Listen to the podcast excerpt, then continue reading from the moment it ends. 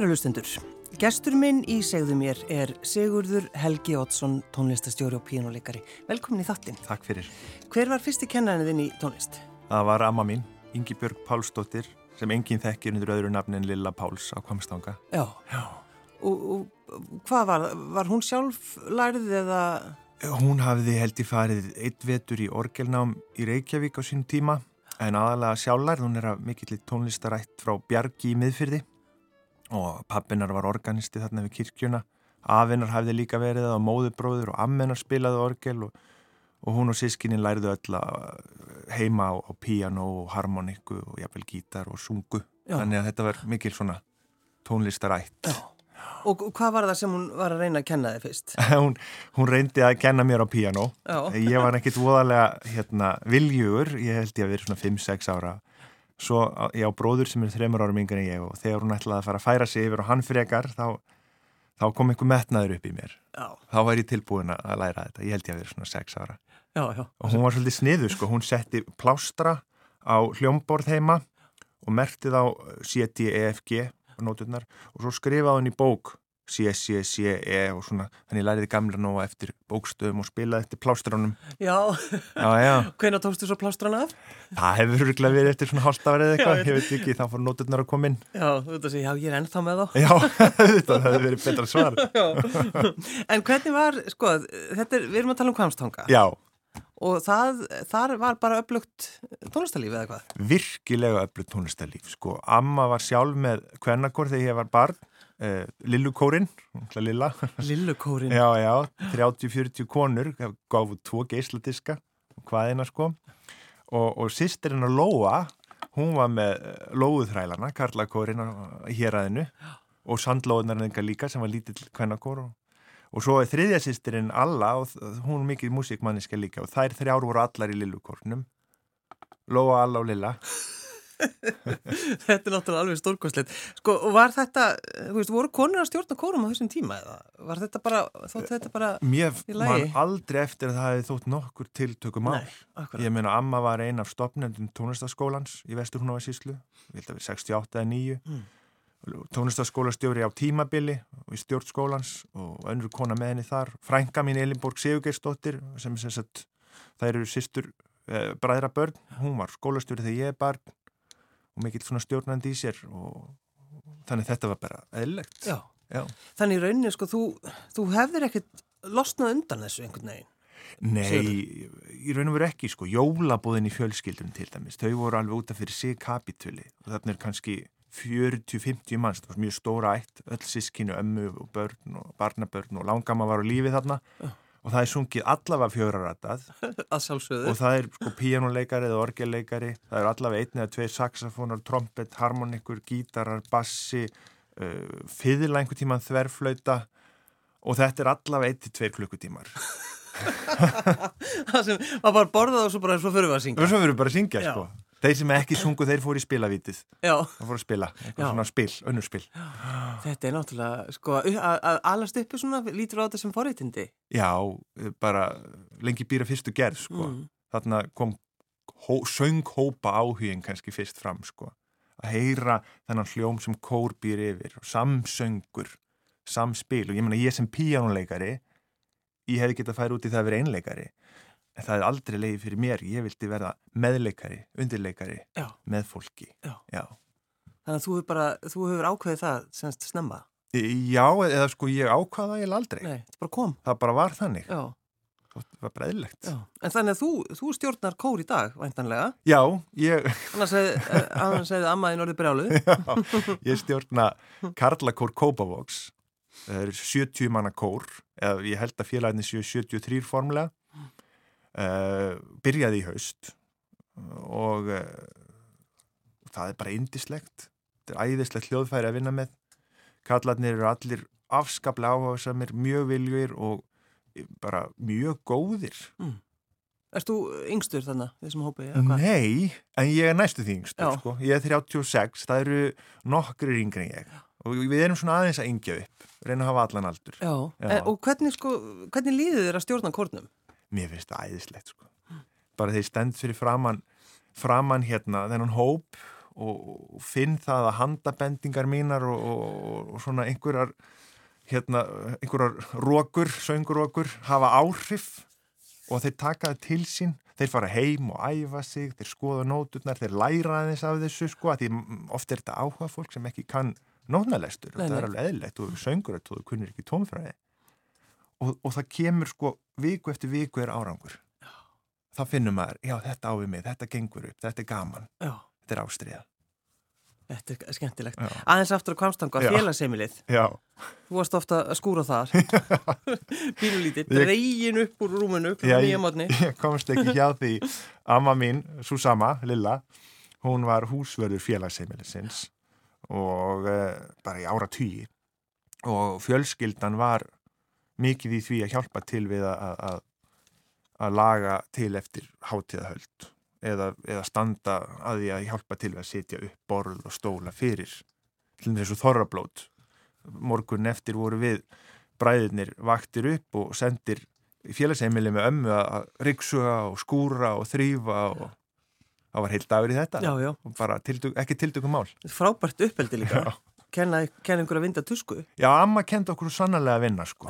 Það er ekki annað sagt sko. Voru, það eru með gróðurrækt líka fyrir utan staðin. Af ég var skóræktar eh, frumkvöðl í húnavarsíslu og við vorum þar alla dag á sömurinn að slá og raka alla dag að læra handtökinn. Svo ferðu Sigur Helgi til Akureyrar væntanlega í, í framhaldsskóla? Já, ég sem sagt, móðið mín er Akureyringur, ég er hálfur Akureyringur, ég líti alltaf á kvamstang á Akureyri sem mínar heimabyðir og mm. þegar ég verð unglingur þá fer ég í mentaskólan á Akureyri, 16 ára gammal Já. og í tónlistaskólan á Akureyri og er þar fjögur ár og bjórendar tvö ár í viðbót þar, tvö-þrjú ár eftir það. Það var indisluðu tími, ég var með frábæra kennara bæði í mentaskóla og, og tónlistaskóla og og, og held áfram að spila með kórum því að ég fór að spila með Karlakóra Akureyrar Geysi. 17 ára, 18 ára gammal var ég fengið inn í það. Að spila? Já, undirleikari. Mm. mm. Ég var svona aðstóðar undirleikari aðal undirleikari bjóð á Húsavík Kom stundum ekki yfir. Ég er svona, ég vildi ekki æfingar sko. Hann kom kannski þegar það voru koncert sko. Já. en ekki alltaf þá. Nótum, nótum strák, strákraskatið Já. Já, þannig að þú strax einhvern veginn farið í þetta. Já, Já. þetta sko og og, og líka í leikhúsið því að það var þarna á Akureyri líka, það voru náttúrulega leikfélag mentarskóns Akureyri ég var að spila með yfir, undir þeim síningum með tónlistastýra, settum upp stór mentarskóla leikaritt og svo fór leikfélag Akureyri í samvinnu með nefnda leikhúsið, 2007 held ég að við verið það var í tvítur og ég var dreinin í það, lífið nótkunarreglur hétt svo síning og gekk þær tíu skipta Já. og það var mjög gaman Það var það svo öflugt félagið í mentarskólunum leikli... Já forfrækt og mjög öflugt sko. já. já, já, já, það var því var ekki það var ekki tekið minn einu sko let, það var ekki léttvægt sko. Nei, það var bara farið alveg ólinn En var alveg sko reyndur að fá sko áhuga einhverju öðru Sigur Helgi, heldur en tónlistinni? Þú veist, ég ætla að verða, ég ætla að gera eitthvað annað. Já, ég ætlaði að verða tímbili ætlaði að vera læknir að því að ég lendi í svona háls, nei hérna eirnaproblemi, svona eirnabarn þannig ég ætlaði að vera hálsnú eirinnalegnir það var fljótt, fljótt hérna, afskrifað. Svo ætlaði ég að vera lögfræðingur. Uh, skóræktin hefur alltaf verið mikið áhagamál hjá mér. Ég er alin upp í skórækt og vann á tímabili uh, sumarvinu á Mókilsá í því og þannig að það er svona þegar ég fer norður á sumurinn þá ger ég eitthvað verk í skóginum. Uh, hvort að högva niður eða græða upp slá eða eitthvað. Já Þannig, og svo náttúrulega bara ég, sakfræði, ég fór í sakfræði svolítið, bókmentir, ég get haldið endalist áfram. Þetta er ekkert smá sem þú reyndir eitthvað að gera, en, en svo náttúrulega bara er tónlistin bara partur af þínu lífi. Já, ég hef aldrei litið á tónlistina sem aðkomi hlut.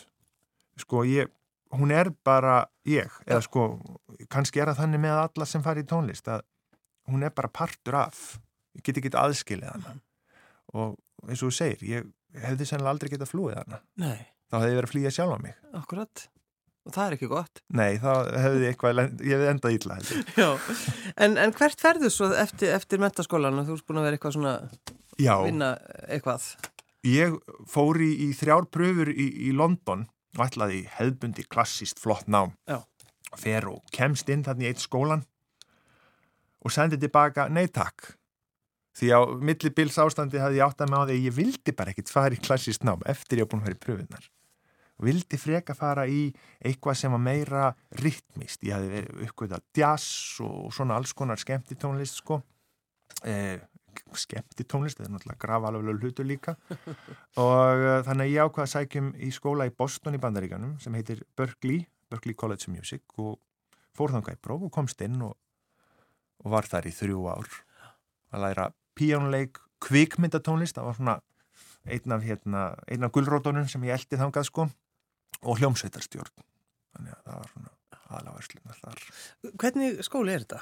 Þetta er gæla fýtt skóli? Þetta er, uh, jú, hann er það sko fyrir þá sem alltaf sérstaklega í svona ritmík og allsklast tónlist þá held ég að hann sé uh, mjög hendur svona, ég held að ég held að hann sé svona freka litin það liti upp til þessa skóla já, sko, og ég uppliði það þegar ég kom þangað inn og ég lappaði og það eru svona æfingaherbergi út um allt sko, með gluggum sko, þú séu amerískum kvikmynd það er alltaf gluggar á öllum hörðum sko og þar bara heyrði maður snilling eftir snilling eftir snilling eftir snilling spila.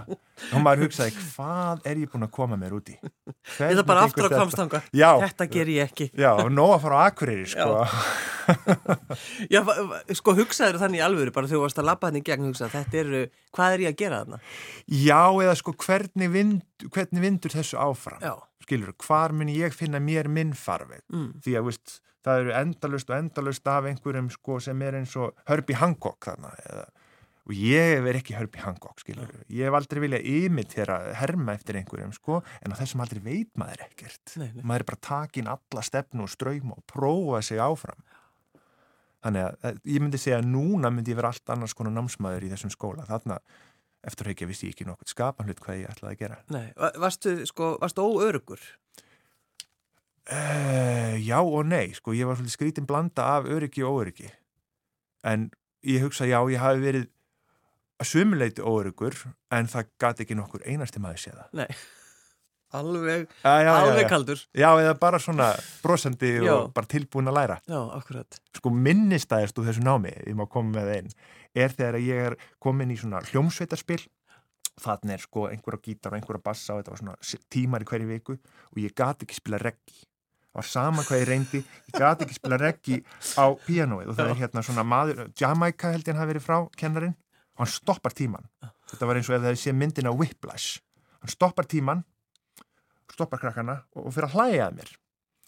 Og sittur síðan á og kveikir á tækinu og sittur ekki músika og segir farðu á gólfið og dansaðu og let hljómsveitinu horfa á meðan ég Ísland, Íslandingunum gæti ekkert sko reyna að dansa eftir reggi. Þannig er ég dansand og gólfið í fimm minútur þá hann ég næði einhvern takt og segja nú skaltu spila. En þetta virkaði ég kann spila reggi Getur þú sko, ferð, þegar þú hugsaður um hennar dans, farðu í magan? ég myndi fá í magan sko ef ég hef ekki síðan lært að dansa eitthvað aðeins sko, já. Ná, þessum takti. Þetta var bara ágætt.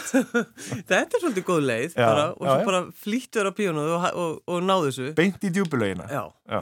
Þetta var svolítið þannig að vera í þetta náða. En var þetta sko, þú veist, var, var, var góð stemning alltaf í þessum skóla? Þetta... Já, ég egnaðist vini fyrir lífstíð sko. Vissulega er núna hafið á milloka þannig að það er aðeins minkað vinskapurinn en ég veit að ég á þessa vini fyrir lífstíð og, og, og, og það voru allir á, á sömu bylgjulengt og það var svo óendanlega mikilvægt og dýrmætt að ferðast saman mm. þessi ár gegnum það. En svona, sko, keppni á millikar? Já, ég hef aldrei verið keppnismæður í tónlist. Nei. Aldrei. Sko, ég er alveg upp í íþróttum, veist, og ég hóp íþróttum með þetta og hérna kvörubólta og fótbólta og öllu þessu, en, en, en, en í þessu hef ég aldrei verið keppnismæður og eina keppnin sem ég ætlaði að taka þátt í sem var í mentaskólanum á Akureyri, kennari minn ítti mér út í einhverja, ég manni kom hér mentorkeppni eða eitthvað, að ég held viku eða tveim vikum fyrir keppnina þá bara fekk ég svona vægt áfall og sagði bara að kennarin, ég gera þetta ekki. Nei. Fyrir ekki þess að keppni. Keppi ekki tónlist. Og þú hefur bara staðið við Já. það? Já. En þá, sem ég þegar hver veit, sko, kannski fer ég með kórin á einhverja kóra, einhverja kórakefni. Einhverja brjálaðislega kórakefni, tekur ömmuðina með. Já. og þegar þú klárar þennan skóla í Boston, Já. svona hverju voru þínir draumar? Ég ætlaði að verða kvikmyndatónskáld. Stórt kvikmyndatónskáld í Hollywood. Já, ekkert, ekkert minn en það. Nei, það var svona kannski stóri draumurinn, sko. En ég var komið með heimþrá og uh, langaði bara heim og var kannski svona aðeins fann að missa áhugan á kvikmyndatónlist út af fyrir sig. Mm. langaði bara að finna mér annan farveg. Þannig að ég kom heim og fór að feta mig í Reykjavík og hef aldrei séð eftir því. Sko og hérna eh, þannig að það er ekki einhver draumur sem ekki var að veruleika og þarf að gerast sko. Nei, nei, nei. nei, nei, nei, nei, að ég held undir niðri hafi ég bara viljað verið í tónlist allæfi það var bara draumurinn Já, hann frá því varst sex ára þegar Já. ammaðin ætlaði að snúða sér af, af bróðinum. Já, ég svo átti ég svona, ég átti svona fína bóku Mozart og hérna, ég var sex ára og ég, ég man ég sagði, ég ætla að vera eins og hann Já, það er náttúrulega líka annar draumur sem verður aldrei að veruleika en það skiptir einhver máli hefur þú til dæmis bara geta verið áfram út í Boston? Já. Hefur þú geta sko búið til líf þar? já, sko þegar maður er uh, klárar háskóla, allavega þegar ég kláraði háskóla þá var hægt að fá svona árs uh, vegabriðsáritun Mm sem hún færið bara því þú er búið með háskóla og mátt vera lærlingur eða einhverju svona stöðu að vinna við þetta Já. og þá voru margir úr skólan sem fóru og eruðu lærlingar bæði í LA eða í Boston eða annar staðar og þetta hefði alveg verið möguleiki Mm. en uh, ég stökk ekki á það En sko, að þú talar um þessa heimþrá, mm. hún er svo sterk. stórföðuleg sko og stundum sko alveg gjörsanlega óröggrétt hvað veist, vilja freka að vera við ískalt hafið í nýju mánuði af svarta myrkri og vondu veðri og Já, þú tala um kvamstanga. Já, til dæmis sko en, en það er eitthvað, Já. eitthvað sem kallar á mann ha. Og, fa- og fannst þú oft fyrir bara, uh, sko, varstu bara með, verki? Nei, ég segi það nú ekki nei, nei, nei, nei, nei, nei, nei, nei það var meira svona mm, þurfti að fara af og til skilur, ég fór á sumrin eða fór í jólafrí og fá þetta aðeins í æðina sko. en svo náttúrulega hérna fjarlæðin gerir fjöllin blá og alltaf þannig að svo kemur maður og það er einn dag af himnaríki og svo hugsa maður, já nei, ég er bara komin aftur í svarta myrkrið Svolítið þannig. en uh, að því þú- byrjar að stjórna þessum kallakór og, og þú talar um svo góðu grunnar að hafa unni í leikskóla. Já, ég sagði það og ég segi það oft, ég hef spurður að því hvernig er að stjórna 70 körlum og kannski stór hlutið er helmingi eldri en, eldri en þú sjálfur Já.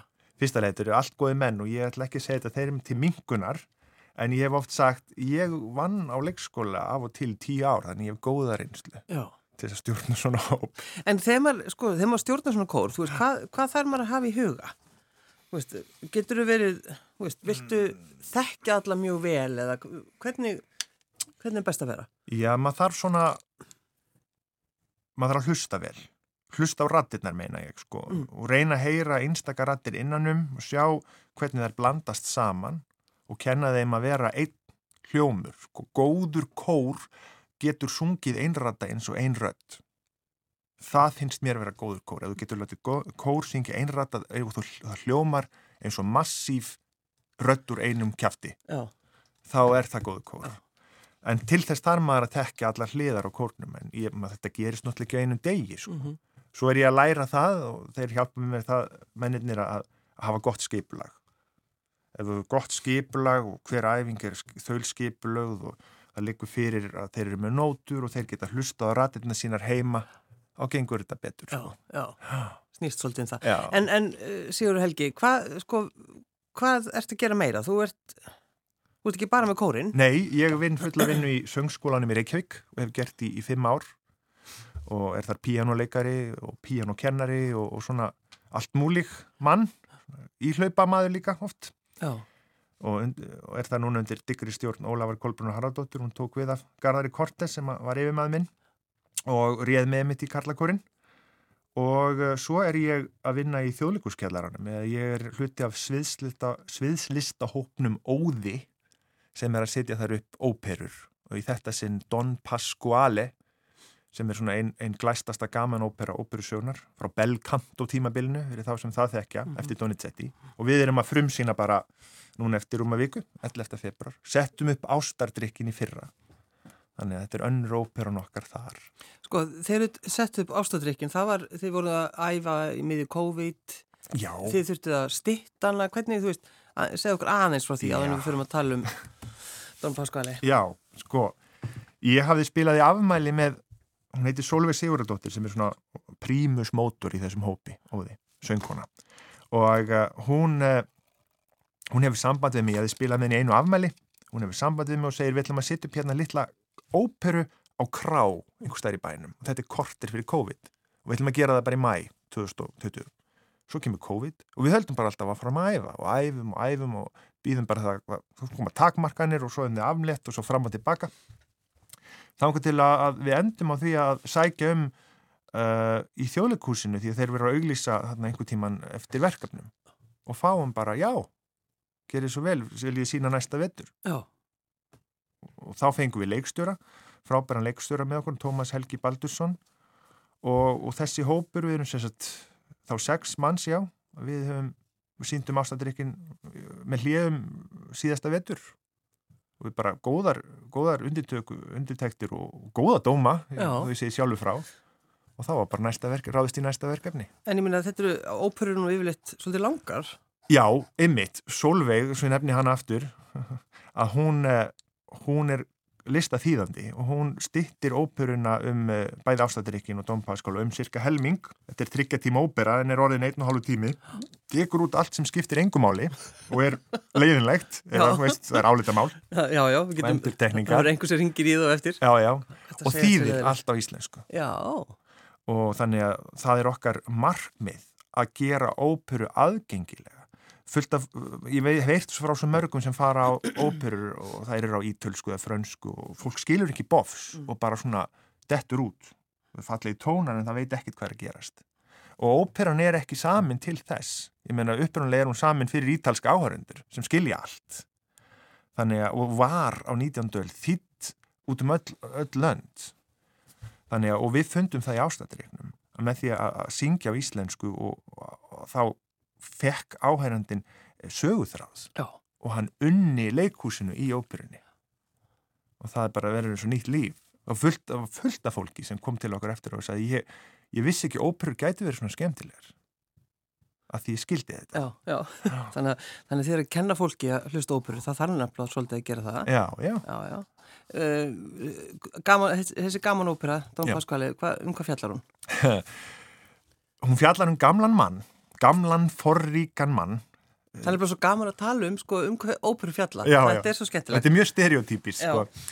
hún er samin 1843 held ég. Mm. hún gammal forríkur maður Don Pasquale, herra Pasquale hann er barndlaus og á ekki maka en hann á uh, bróðursson Ernesto sem að stendur sem honum næst í rauðinni er á að erfa hann nema hvaða Ernesto þessi hann er hrifin af Norínu sem er eh, á, fátæk ekja og það er ekki sambóðið Don Pasquale.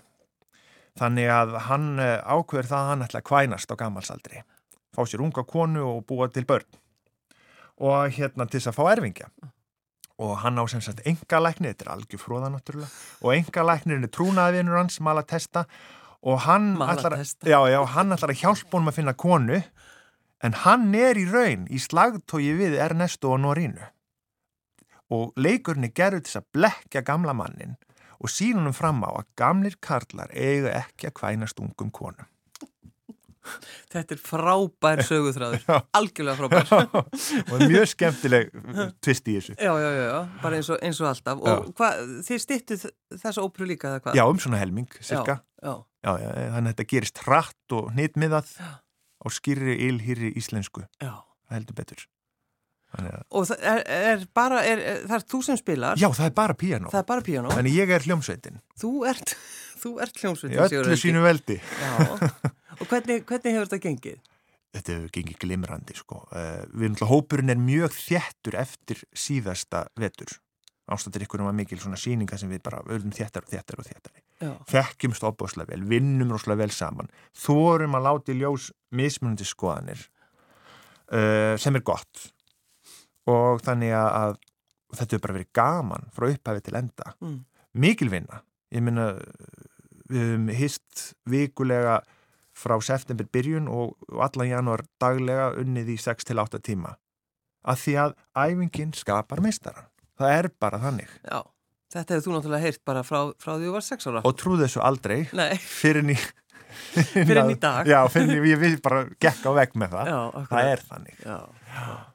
Þannig þetta er bara indislegt og, og, og sko fyrir þá sem halda þess sé að fara tónleika þeir fara á þessu óperu, nei þetta er leikús. Þetta er fyrst og fremst leikús þannig að það er svona það er skemmtilega við þetta sko En hlustaru á óperur, Sigur Helgi? Ég vissi að þessi spurning kemi sko já, þannig að þú því ætlar, hverju ætlar að ljúa?